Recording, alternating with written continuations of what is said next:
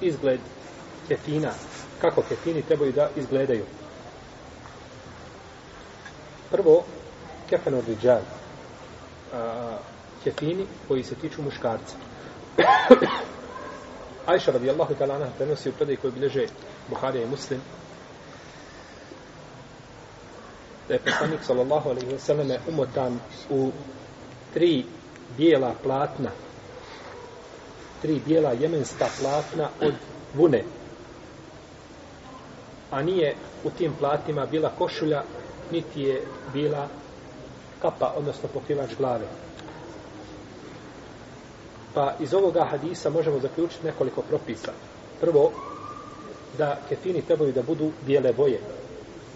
I to odgovara hadisu poslanika sallallahu alaihi wa sallame koga bilježi imam Ebu Davud i Tirmizi koji ima različite puteve, pa je dobar inša Allah ta'ala, ili vjerodostojan da je poslanik sallallahu alaihi rekao ili bi se mu fijabe komul bejab oblačite od vaše odjeće bijelu odjeću fe innehu hajru thijabikum jer to je najljepša odjeća, najbolja koju možete obući. O kefinu fiha meutakom i u istu tu odjeću misli se na bijelu umotavajte vaše umrle.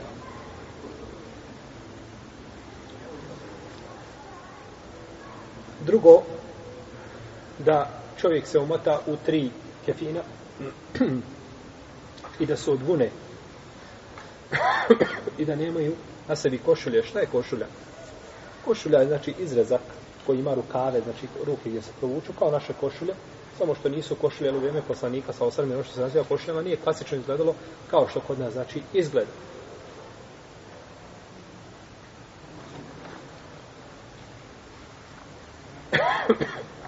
Međutim, ako se napravi košulja, znači da se izražu prostor za ruke i da se onda to obavi oko mejta, neće ni to smetati.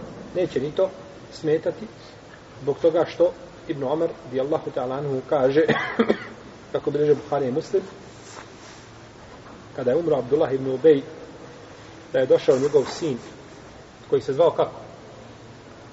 Abdullah. Abdullah ibn Abdullah ibn Ubej ibn Salul. Sin koga? Veličeg munafika. Pa je došao kod poslanika, sallallahu sallam, i rekao Allahu poslaniće, daj mi svoju košulju da ga umotam u nju. I klanjaj mu dženazu i traži mu oprosta. Pa je poslanik sallallahu sallam dao mu svoju košulju da, je u, da ga umota u nju. I čak su neke predaje navodi da ga je spustio u kabur i slično tome. Hadis je, znači kod Buhari kod muslima nema sumnje u njegovu vjerostojnost. I to je bilo, vallahu ta'ala alam, prije zabrane da se munaficima klanjaju klanja dženaza. S jedne strane, jer je poslanik sa znao njihova imena, a mi ne znamo. Pa stoga mi se prema munafiku ophodimo kao prema šta? Prema muslimanu. Jer on krije ono što krije u svome srcu i nakon toga, znači, nije nam dozvoljeno da mi kopkamo i da tražimo, znači, ono što je u njegovom srcu, odnosno da ispitivamo njegovu nutrinu, već nam je dužno da se zadovoljimo sa spoljašnošću koju vidimo. Kao što je učinio Rasulullah sallallahu alaihi sallam, iako je znao znači šta se je dešavalo i ko je potvorio majku vjednika Ajšu i ko je širio besramne laži i koga je uzvišen je Allah ukorio u Koranu odnosno obećao mu bolu patnju i slično, i slično tome peto da taj kefin ili odnosno jedno platno od kefina da posebi ima pruge da ima posebi pruge kako je došlo u hadisu poslanika sallallahu alaihi wasallame koga bilježi imam Ebu Davud i bilježi ga njegovim putem imam Al-Bejheqi jel imam Al-Bejheqi ovaj, nije nikada vidio sunen Tirmizije.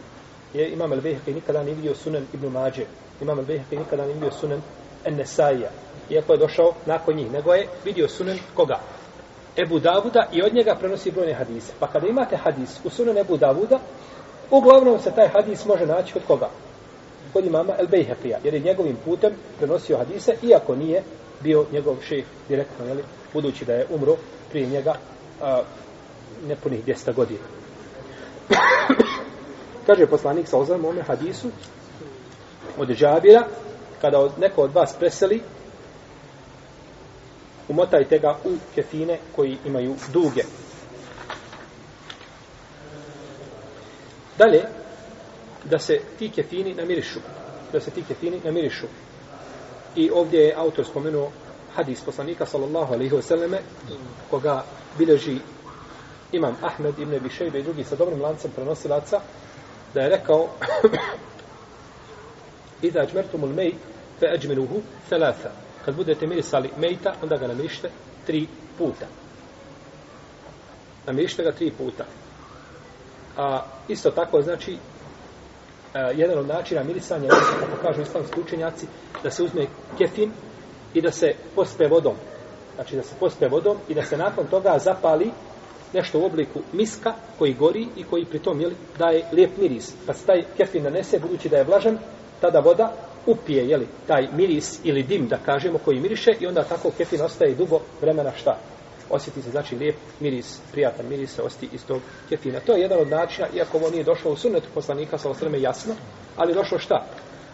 Ali, ali je korist od toga vidna. I mirisanje, kako god da ga namirišeš, šerijat je to otvorio. Nije rekao namirište ga šta? Na ovakav i na ovakav način. Pa i god šerijat nije ograničio, ne smijemo šta, ni mi ograničavati. Nego to je ostavljeno otvoreno. Jer kazali smo više puta da je svako ograničenje otežavanje. Pa se znači miriše na takav način i kažu islamski učenjaci šta je mudrost mirisanja, kažu čovjek se za vrijeme života mirisao. I lijepo je da čovjek ima ovaj lijep miris na sebi kada dolazi u džamiju i kada je u svojoj kući. Ha? Jer kaže se u hadisu Ajša radijallahu ta'ala da bi poslanik sa osvijem prvo što bi radio kad bi u svoju kući koristio bi šta? Misvak. Znači radi lijepog mirisa. I uvijek bio na njemu lijep misk. I čak kaže Ibn Abbas, ovaj, ja se uljepšavam svojoj ženi kao što se ona meni uljepšava. I to je došlo vjerodostojnim putem od njega. Pa islamski učenjaci to koriste ili kao dokaz da je čovjek lijepo da se uljepša svojoj ženi. Znači ne samo kad izlazi napolje, nego da i kući bude u lijepoj odjeći, znači namirisan i slično tome, koliko je, koliko je u mogućnosti. Jer kako je god odbojna čovjeku žena, od koje se osjeti neprijatelj miris, tako je i ženi muž. I to je priroda čovjeka. I zato se čudim čovjeku koji dođe i sa vrata sjedne, a cijeli dan radio teške fizičke poslove, znoj se čuje sa njega i nije otišao u kupačavu sobu. Pa čak ako treba svaki dan se kupa, nikakve smetje u tome ne. Jer koliko je, znači, brakova dovedeno u pitanje radi neprijatnog mirisa iz usta, radi tog neodržavanja higijene i sl. tome.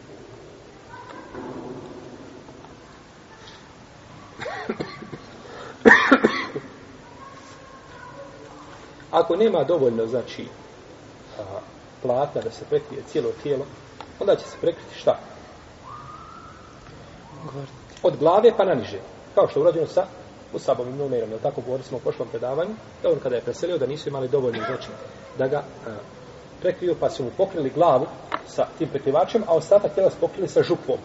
Znači, jeli, a, to je to je vid jel, lišća ili trava, kako već izgleda, kojim su znači pokrili znači njegovo, njegovo tijelo, a glava je ostala pokrivena sa njegovim platom, odnosno onim što je imao, jer kažu kada bi povukli na glavu, otklep se noge i isto tako suprotno kada bi se povukli na noge, otklep se glava. Iz ovoga hadisa možemo zaključiti. Ako nema kefina, da se pokrije tijelo nikako, onda se cijelo tijelo pokriva šta? Sa župom ili bilo čime, znači od onoga što je uzvišen je Allah te vrtala dao od lišća, znači ili granja, čime se može, znači, prekriti lijepo, znači, mej, ovaj, lišće, jel, ne granje, granje, ne možeš prekriti granje, to se vidi, nego lišće, znači, veće ono koje ima, da se to prekrije mej time, to bi moglo, znači, poslužiti kao argument. Jer mi kad, braćo, pričamo ove stvari, možemo slobodno kazati da je to u naše vrijeme više teorija nego praksa. Ajte mi nađite čovjeka u najtežim uslovima, u ratu da nije bilo kefina da se on zamotao